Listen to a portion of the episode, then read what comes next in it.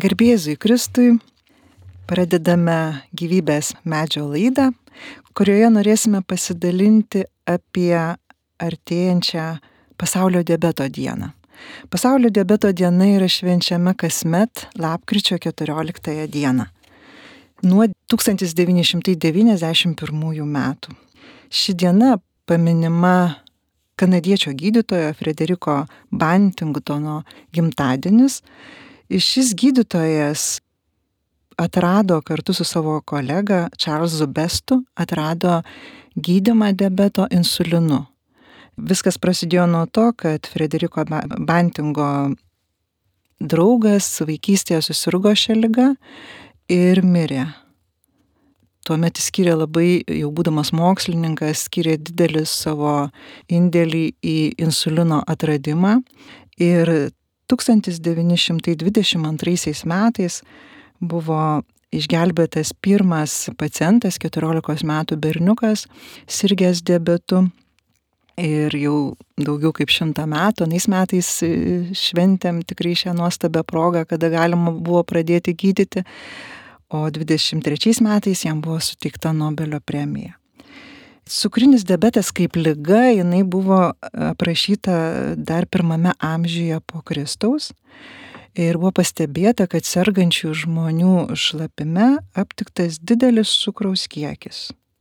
Juos kamuodavo didelis alkis, troškulys, svorio kritimas nesant, nebuvus jokio gydimo, tie žmonės tiesiog neišgyvendavo, neturėdavo vilties jokios pasveikti.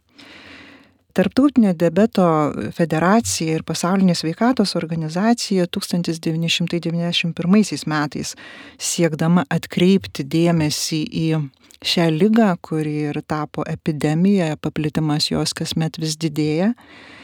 Ir nuo tų metų jau pradėta švesti, minėti šitą dieną, ir žinia tokia, kad atkreipti dėmesį į šitą lygą, atkreipti dėmesį ne tik pacientam, bet visiems, kurie rūpinasi šią lygą, tai yra gydytojam, politikams.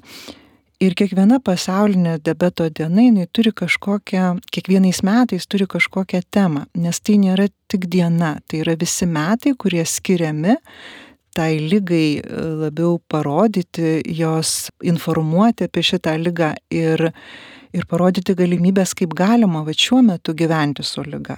Tai šių metų ir nuo 2021-2023 metų pasaulinės debetos dienos tema yra prieiga prie debeto priežiūros, kas reiškia, kad kuo daugiau informacijos suteikti žmonėm, kaip jie gali geriau prižiūrėti savo lygą. Tai čia toks trumpas įvadas, o dabar noriu prisistatyti. Aš esu gydytoja Edita Ješinskienė, vaikų endokrinologė, dirbanti Kauno klinikose vaikų endokrinologijos skyriuje, esu vadovė skyriaus ir šiandien su manimi labai smagu, kad sutiko dalyvauti. Taip pat mūsų skyriaus darbuotoja ir mano tikrai draugė, kuriuo mes seniai jau bendraujame ir būtent sujungia mus tikrai diabetas, šitą lygą, supažindino net. Tai yra Jolanta Žilinskinė, yra psichologė, psichoterapeutė, bet aš paprašysiu, kad Jolanta pati prisistatytų.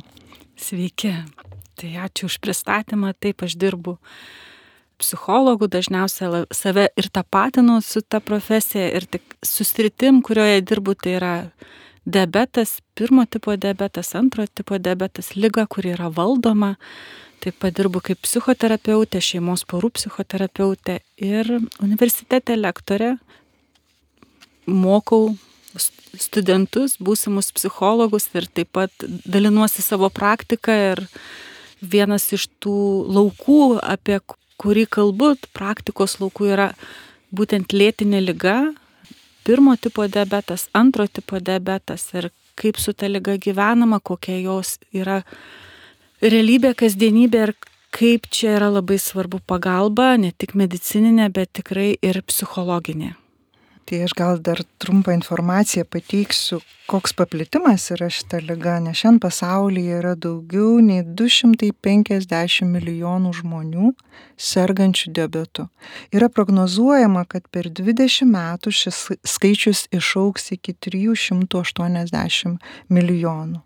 Ir jinai pavojinga ne tik taip pati savo kaip lyga, bet tuo, kad sukelia labai didelės komplikacijas, jeigu šios lygos kontrolė yra bloga. Vaikų, jeigu mes kalbėtume apie vaikus ir paauglius, kurie dažniausiai serga pirmo tipo diabetu, kasmet padaugėja 3 procentai o pradinių klasių vaikų, reiškia jaunesnio amžiaus vaikų, sergamumas net sparčiau didėja, tai yra 5 procentai per metus. Ir nustatyta, kad kasmet pasaulyje šią lygą susirga 70 tūkstančių vaikų jaunesnių negu 15 metų. Tai yra beveik 200 vaikų kasdien. Lietuvoje, kaip ir visoje Europoje, mes turim didėjantį sergamumą, kasmet mes turim apie 120 naujų susirgymo atvejų.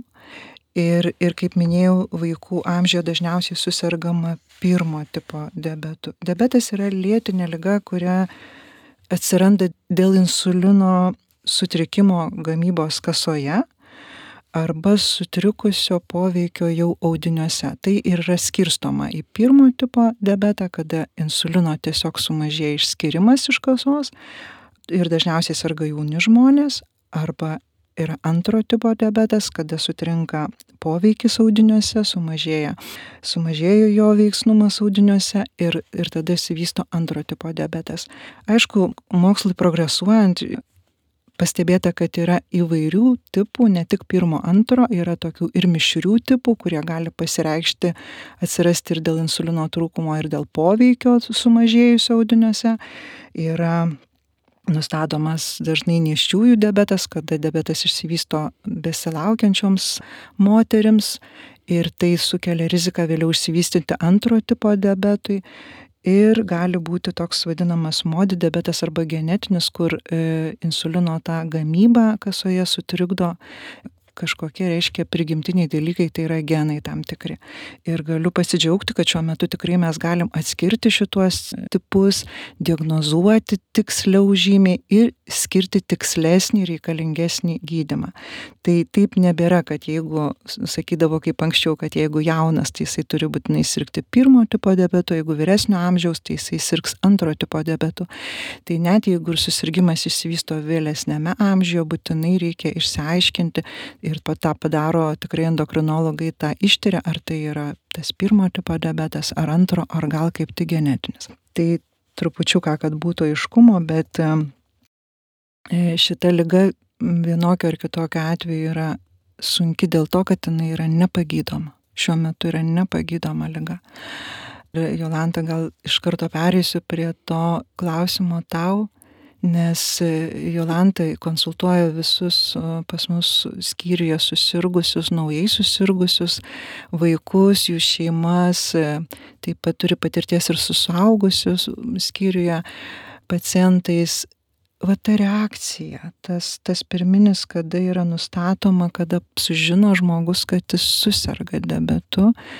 Gal trupučiuką apie šitą, vat, kaip jis priima, kaip žmogus priima šitą lygą, kokie gali būti tie prieimimai. Dėkui už klausimą.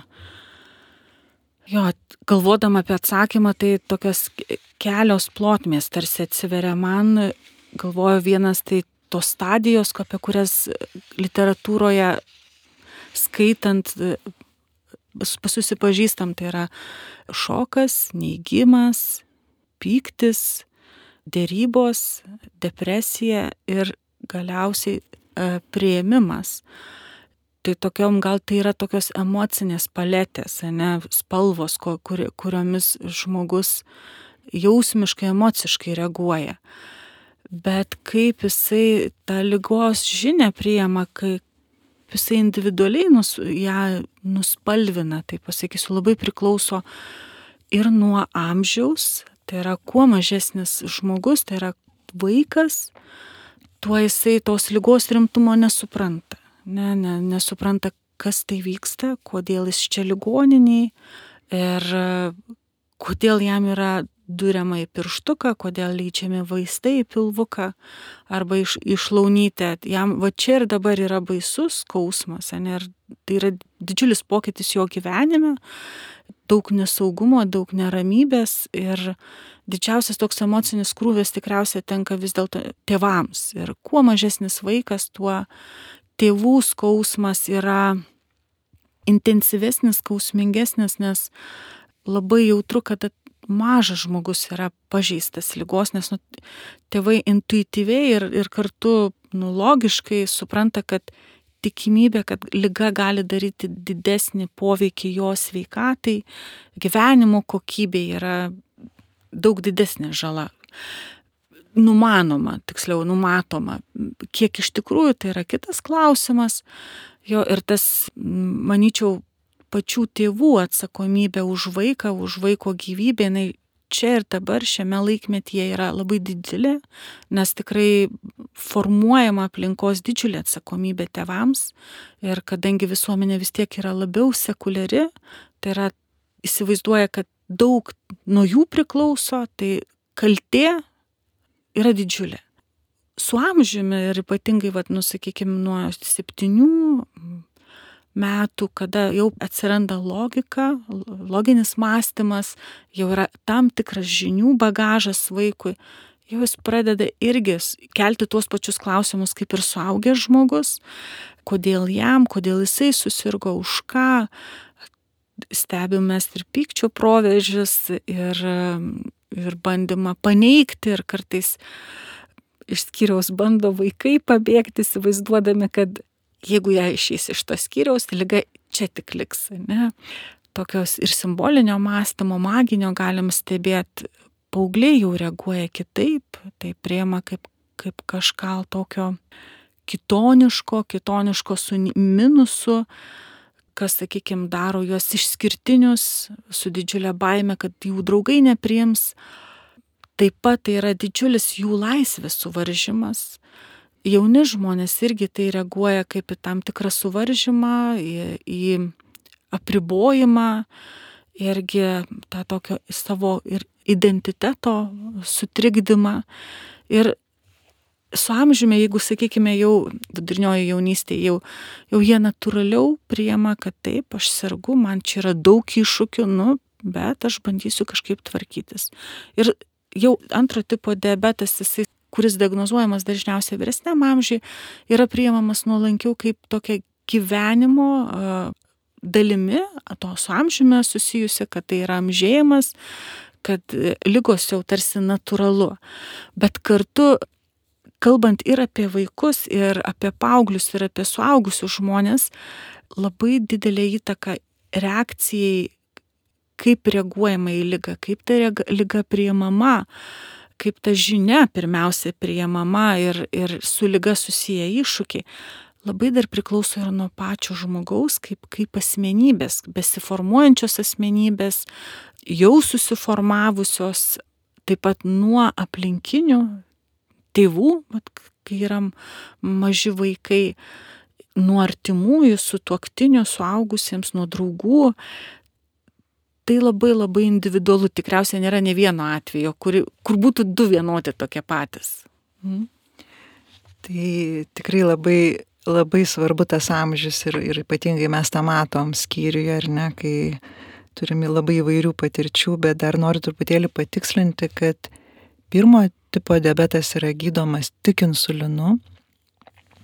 Yra toks mitas dar, kad jeigu tu pradedi insuliną, tu niekada jo negalėsi nutraukti. Ir tai yra iš tikrųjų, e, yra tikrai tik mitas, klaidinga informacija, nes būna atveju, kada lyga nustatoma labai anksti, o tai yra labai gerai, nes kuo vėliau nustatoma lyga, tuo yra sunkiau vėliau ir tuo greičiau įsivysto komplikacijos tai šita liga iš tikrųjų visada pradedama gydyti insulinu pirmo tipo. Kartais ir antro tipo pradedama gydyti insulinu, vėliau perėjama prie tablečių arba atvirkščiai.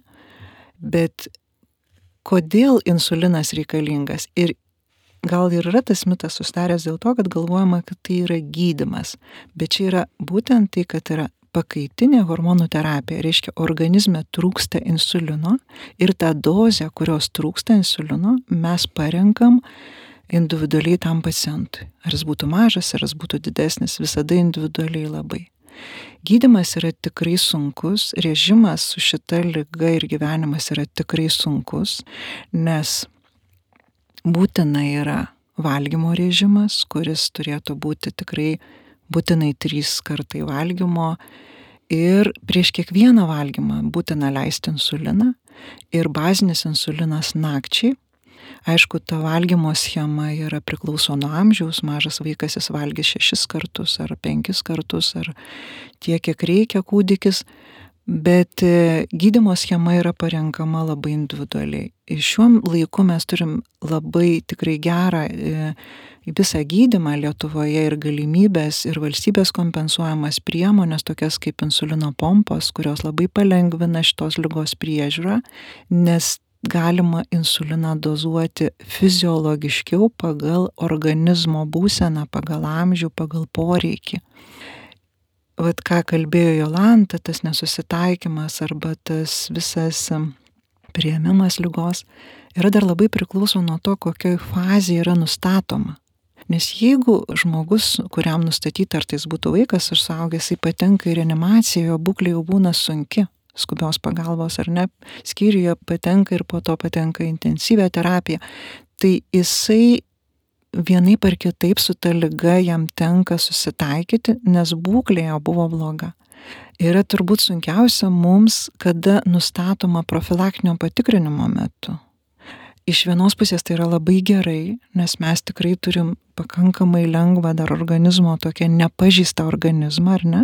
Iš kitos pusės žmogui susitaikyti, kad aš buvau sveikas ir prieš operaciją darydamas tyrimus man rado aukštą cukrų ir pasakė, kad tai yra diabetas, aš negaliu su tuo susitaikyti. Tai Landa turbūt apie tą vat, susitaikymą, tą prieimimą kaip, kaip tokios visišką išmušimą ir ne iš to, iš to tos tavo gyvenimo, kuris buvo vienoks, dabar tau reikės keisti gyvenimo būdą, įpročius. Taip, labai vat, nugražiai papasakoja apie tą, tą kelią, kaip jie sužino, kad susirgo diabetu. Ir tikrai vat, taps tas paribys, reanimacija, aš jį vadinu paribiu, tarp gyvybės ir mirties dažnai simbolizuoja Tai yra tarsi labai toks aiškus pasakymas taip, yra rizika, kad vaikas arba suaugęs žmogus gali mirti ir tai yra didžiulis džiaugsmas, kad išgyvena. Bet kai yra va taip profilaktiškai patikrina, tikrinant randamas diabetas, tai yra labai sunku susipriimti tą lygą, nes žmogus dažniausiai nejaučia dar jokių simptomų. Ir moksliniai tyrimai tai rodo, kad jeigu kuo intensyvesni simptomai tai reiškia kuo didesnis skausmas kuo daugiau sukelia diskomforto kuo labiau matoma liga tai tuo žmogus yra nu natūraliai motyvuotas keisti gyvenimo būdą tam, kad išeiti iš tos skausmo, to diskomforto. Kai čia nėra šitų simptomų, natūralu žmogui labai sunku priimti. Ir, nu, mes žmonės, nu, kaip gamtos dalis, nu, linkę esame į homeostazę, tą ramybę, pusiausvyrą ir gera valia, savo norų, neįsim savęs, nu, aš taip drįsiu sakyti, kad, nu, kankinti, nes, nu, pradžia tikrai debeto yra, lygos mokantis gyventi su debetu yra, nu, kankinanti. Bet dar labai priklauso ir nuo, vėl pasikartosiu, nuo žmonių būdo, asmenybių. Jeigu žmogus yra linkęs neikti, nepriimti, priešintis, jam bus sudėtingiau. Jeigu jisai priema tai, kai kažkokią bausmę irgi, sakykime, gali pulti į bejėgiškumą ir sakyti, nu, aš čia nieko negaliu daryti. Bet man tikrai yra smagu stebėti tėvus ir pačius vaikus ir tos pačius suaugusius žmonės, kada yra diagnozuojama taip lyga, profilaktiškai nustatant, kada jie, o, gerai, aš girdžiu, aš tikiu, pasitikiu autoritetais, renku informaciją ir kai jie atranda, kad jie čia į ligoninę papuolė per, kai sakoma, per tas paradinės duris, tai jie mintise ir garsiai padėkoja ir Dievui, ir gyvenimui, ir likimui, ir aplinkybėm. Ir tikrai mokosi gyventi su diabetu. Tai čia labai priklauso tikrai nuo, nuo žmogaus ir nuo jo aplinkos kokie mitai apie patį diabetą, kokie įsitikinimai, istorijos apie gydytojus, ligoninės, specialistus. Ir tame labai daug dalyvauja pats žmogus. Tai iš tiesų tas vat prieimimas yra be galo svarbus, nes mes turim jau tikrai su Jolanta turbūt virš 20 metų dirbam kartu su šitom lygom ir matom labai labai įvairias, labai įvairias reakcijas, bet visada džiaugiamės, kada susirgus vaikui tikrai mama ir išsiverkia, ir išsirauda, nes tai yra tikrai labai normali reakcija, tu negali džiaugtis, kai tavo vaikas susirgo ir po to susijima ir daro viską dėl savo vaiko, kad galėtų išmokti, kad galėtų tą lygą kontroliuoti. Galimybės tikrai yra, reikia ieškoti tos pagalbos niekada, net bet kokio amžiaus žmogui, jeigu su debetu gyventi yra negerai, jeigu matot, kad ta kontrolė su debetu nepavyksta, tiesa dar noriu pasakyti, kad turbūt svarbiausias dalykas, ką mes dabar turime lygos priežiūroje, tai yra nuolatinis gliukozės matavimo jutikliai, sensoriai, kurie yra kompensuojami ir ne tik vaikams, bet ir suaugusiems sergantiems pirmo tipo diabetu, kada įsivedė į paudį tokį nedidelį, kaip e, tikrai tokį nedidelį aparatėlį, gali žmogus matyti telefone savo glikemiją, savo sviravimus, į kokį maistą sureaguoja. Ir tai yra labai labai svarbu tai kontroliai. Ar tu gydomas insulinu, paprastom injekcijom, ar tu gydomas pompa, bet sėkimas glikemijų yra svarbiausia, nes šitos glikemijos kurios dar irgi gal kažkam bus įdomu, priminsiu, kad sergančiam diabetu glikemijas yra laikoma gera, yra nuo keturių iki dešimt, tas yra normos riba vaikams, suaugusiems iki devynių. Ir kiek tu išbūni toje normoje. Jiems nereikia siekti sveiko žmogaus normos, nes jų organizmas yra visiškai kitaip jau prisiderina ir kraujagyslės, ir nervai, ir visos sistemos, bet jeigu šitose ribose turi kuo daugiau per dieną glikemių, reiškia, tu kontroliuoji. Turėtų būti virš 70 procentų tavo glikemijų tose ribose, kaip minėjau, nuo 4 iki 10 vaikam arba 9 suaugusiems turėti nedaug hipoglikemijų, kas yra žemiau 3,9, mažiau 4 procentų ir gliukolizilintas hemoglobinas, kurį šitą terminą žino sergantieji, tai yra 3 mėnesių kontrolės rodiklis, jisai turėtų būti mažiau 7. Ir endokrinologo konsultacija ir diabeto slaugytojos konsultacija, kuri Kaune yra tikrai prieinama, yra visiems pasiekiama. Galbūt sunkiau kartais patekti pas endokrinologą, kaip ir pas daugelį gydytojų, bet pas diabeto slaugytoją, kurios yra profesionalios, kurios labai daug gali padėti pacientui, tai pas juos patekti yra kur kas lengviau ir linkiu tikrai nebijoti belsti duris, kokiam bebūtumėt jūs amžyje, kokia bebūtumėt situacijoje, jeigu, jeigu net ir daug, daug metų jūs sergat ir galvojate, kad viskas šita lyga mane kažkaip jau ir pražudys. Tai šita mintis neturėtų būti jūsų, nes e, požiūris į tai, ką mes dabar turim, kokia bebūtų šios dienos situacija, ar susirgo labai neseniai, ar jau daug, daug metų serga, bet e, tiesiog kreiptis pagalbos, ne, neužsidaryti, kas yra svarbiausia ir ką mes matom labai daug suaugusiųjų jie užsidaro su šitą ligą. Juk kiek e, dabar tik pradėjom viešinti apie tą ligą, sakyti visuomeniai. Prieš 20 metų, kai aš pradėjau dirbti, labai visi slėpė. Tėvai sakydavo, kad mes nesakysim mokykloje, kad mano vaikas serga diabetu arba darželėje. Vaikai prasimokydavo visus vidurinės metus ir nežinodavo, kad turi klasioką, kuris serga diabetu ir jam reikėdavo insuliną leisti stolete. Arba jį vadindavo narkomanu.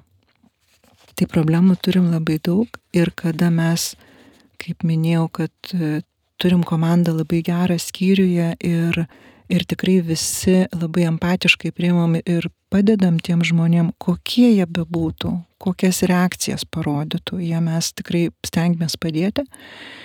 Bet iš kitos pusės yra labai svarbi aplinka, į kurią patenka jie po skyriaus, ar ne, jau pamokinti, apmokinti, paruošti Ir čia Jolantos buvo labai didelis tikrai e, įdirbis tame, kad mokyklose, mokyklos bendruomenė, darželių bendruomenė kuo daugiau sužinotų apie šitą lygą. Tai gal dar, Jolanta, paprašysiu trupučiuką pradžioje toj mažoj bendruomeniai šeimoje, kaip tai yra svarbu, tas parama ir po to mokykloje. Dėkui. Tai aš gal dar truputį papasakosiu apskritai, kaip tas diabetas yra valdomas. Aš pati vartoju žodį valdyti, gydytojai vartoja žodį kontroliuoti, man kontrolė daugiau tokia, nu, su, su galinėjimuose asocijuojasi, o valdyti tai yra tarsi bandymas susitarti. Tarsi žmogus tarėsi su lyga. Ir pati lyga yra valdoma ir ką yra labai svarbu, nusupažindint, kokia ta jų žmonių realybė yra gyvenant su diabetu, kadangi kasa nebegamina insulino, žmogus turi kasdien sekti glikemiją, tai yra koks yra cukraus kiekis kraujyje, tai dabar yra glikemijos jutikliai, seniau reikėdavo durti pirštą, nu, kad išbėgtų kraujas ir kraujo lašelis užlašinamas ant juostelės ir parodo, kiek yra cukraus kraujyje. Ir kiekvieną kartą valgant prieš maistą yra svarbu pasiskaičiuoti cukraus kiekį kraujyje, angliavandenius maiste, nusistatyti insulino dozę, nes ir e, tai yra tam tikrą kiekį šitų vaistų ir susileisti į paudį. Leidžiamasi dažniausia į pilvą arba, sakykime, iš launis. Ir pati procedūra, nu, jinai yra tikrai tokia, nu, į save nukreipta tarsi, aš taip sakau, kaip agresija, net tarsi durti save. Bet kasdienybėje tai, tai daryti yra tikrai pakankamai sudėtinga, nu, susileisti vaistus, pasitikrinti cukraus kiekį kraujyje. Vienas momentas, bet kitas momentas svarbus tai, kad tai daryti, tikrinti, nu, valdyti diabetą, reikia iš tikrųjų protinio ir emocinio brandumo. Tai lyga vaikui susirgus diabetu, lyga yra valdoma tėvų. Jau, sakykime, paauglystėje paaugliai po truputį perima atsakomybę, suaugę jau patys valdo. Tai šita lyga iš, iš tikrųjų nu, sugriauna tą kasdieninį šeimos ritmą, kuris buvo iki lygos. Šeima turi priimti priverstinai tą šeimos įsibrovelį, lygą, diabetą ir jisai turi patapti šeimos nariu. Ir tai yra integruoti visą gyvenimą, tiksliau integruoti lygą į tą kasdieninį gyvenimą, tai reiškia pakeisti tikrai labai stipriai gyve, kasdienybę. Labai svarbu, kaip, kaip tą lygą prieima tėvai. Ir kaip jie prisitaiko ne tik prie lygos valdymo, bet ir prie tokio kasdieninio ritmo. Aš daugiau kalbu apie mytybą. Jo. Labai svarbu yra, kad tėvai irgi labai panašiai maitintųsi, nes susiformuotų sveikos gyvensenos įpročiai, nes tėvai yra pavyzdys. Bet kitas yra tikrai didelis iššūkis, tai yra tėvai, sutoktiniai, kaip jie geba šitą atsakomybę dalintis. Praktikoje dažniausiai lyga valdo mamos, tėvai tampa, tėčiai tampa tie žmonės, kurie uždirba pinigus, rūpinasi šeimos materialinė gerovė ir nepaisant to, kad kompensuojamos dabar lygos valdymo priemonės, bet vis tiek šeimai, kada yra sergantis vaikas, reikia daugiau lėšų, nes vaikui reikia dar papildomai įvairių priemonių jo poreikiams tenkinti. Ir natūraliai kas vyksta, kadangi ta lyga taip valdoma, tai yra nuolat tikrinama glikemija, pagal poreikį leidžiamas insulinas, reikia stebėti, kad mažas vaikas nesuvalgytų ko nors, o jeigu suvalgo padengti insulinu, tai mama nuolat dirba. Nuolat dirba 24 valandas per parą, nes šita lyga irgi valdoma dar ir naktį. Ir ypatingai tai yra svarbu daryti, kai yra mažas vaikutis. Ne? Ir dauguma mamų jos perdega, jos kenčia, aš tikrai drąsiai sakau, kenčia nuo lėtinio nuovargio. Ir čia yra labai svarbu partnerystė. Ir kai sakau, prisimint e, bažnytinės santokos priesaiką, ne, kad ne tik džiaugsme, bet ir varge, ne tik sveikatoje, bet ir lygoje. Ir tik ne, ne tik savoje, bet ir vaiko. Ir čia yra labai svarbu, kad pora gebėtų tartis. Tartis, planuoti, persiorientuoti ir kai aš kviečiu tėvus, sakau, žiūrėkit, jūs turite dirbti ne koja kojon tą patį, bet dirbti pamainom, leisti vienas kitam pailsėti. Mm. Ir aš dar trupučiuką noriu Jolantai pantrinti, nes dabar turim tokią labai gerą tendenciją, ko anksčiau tikrai nebūdavo ir tai buvo labai didelė problema. Mamos, kaip sakai, perima, jos viską gali, jos yra super mamos ir tėčiam nelieka erdvės visiškai, jie nežino, ką daryti, jie žinių neturi, nes mamos guli ligoniai tai vat praeitą tėvo diena aš sakiau nu tikrai kaip iš dangaus čia kažkokia dovana. Keturi tėčiai gulėjo skyriuje su savo mažamečiais vaikais. Ir tada atsimenu sakau čia va tikra tėvystė kada jūs tiesiog duodat mamom pailsėti tuo, kad jos lieka namuose, jos rūpinatės vaikais, bet iš kitos pusės jūs išmokstat ir bus saugumas mamai, nes jūs žinosit tą patį, ką girdėjo jos. Tai yra labai stipru, kai abu du šeimos nariai, lygiai taip pat ir kiti broliai ir seserys, jie irgi yra šeimoje, jie dažniausiai nukenčia, ką mes žinom, kai susirga vaikas, šitam vaikui sergančiam yra daugiau dėmesio, o kitam vaikui jo tiesiog nebelieka lieka. Tikrai taip. Čia labai ačiū apie, kad palėtėjai vad brolius, seseris, nes tie vaikai tampa nematomi. Ir net yra toks terminas stiklo vaikai, tai yra tarsi permatomi, nematomi šitie vaikai. Ir tikrai vaikams reikia tiek tėčio, tiek mamos ir tam pačiam sergančiam vaikui.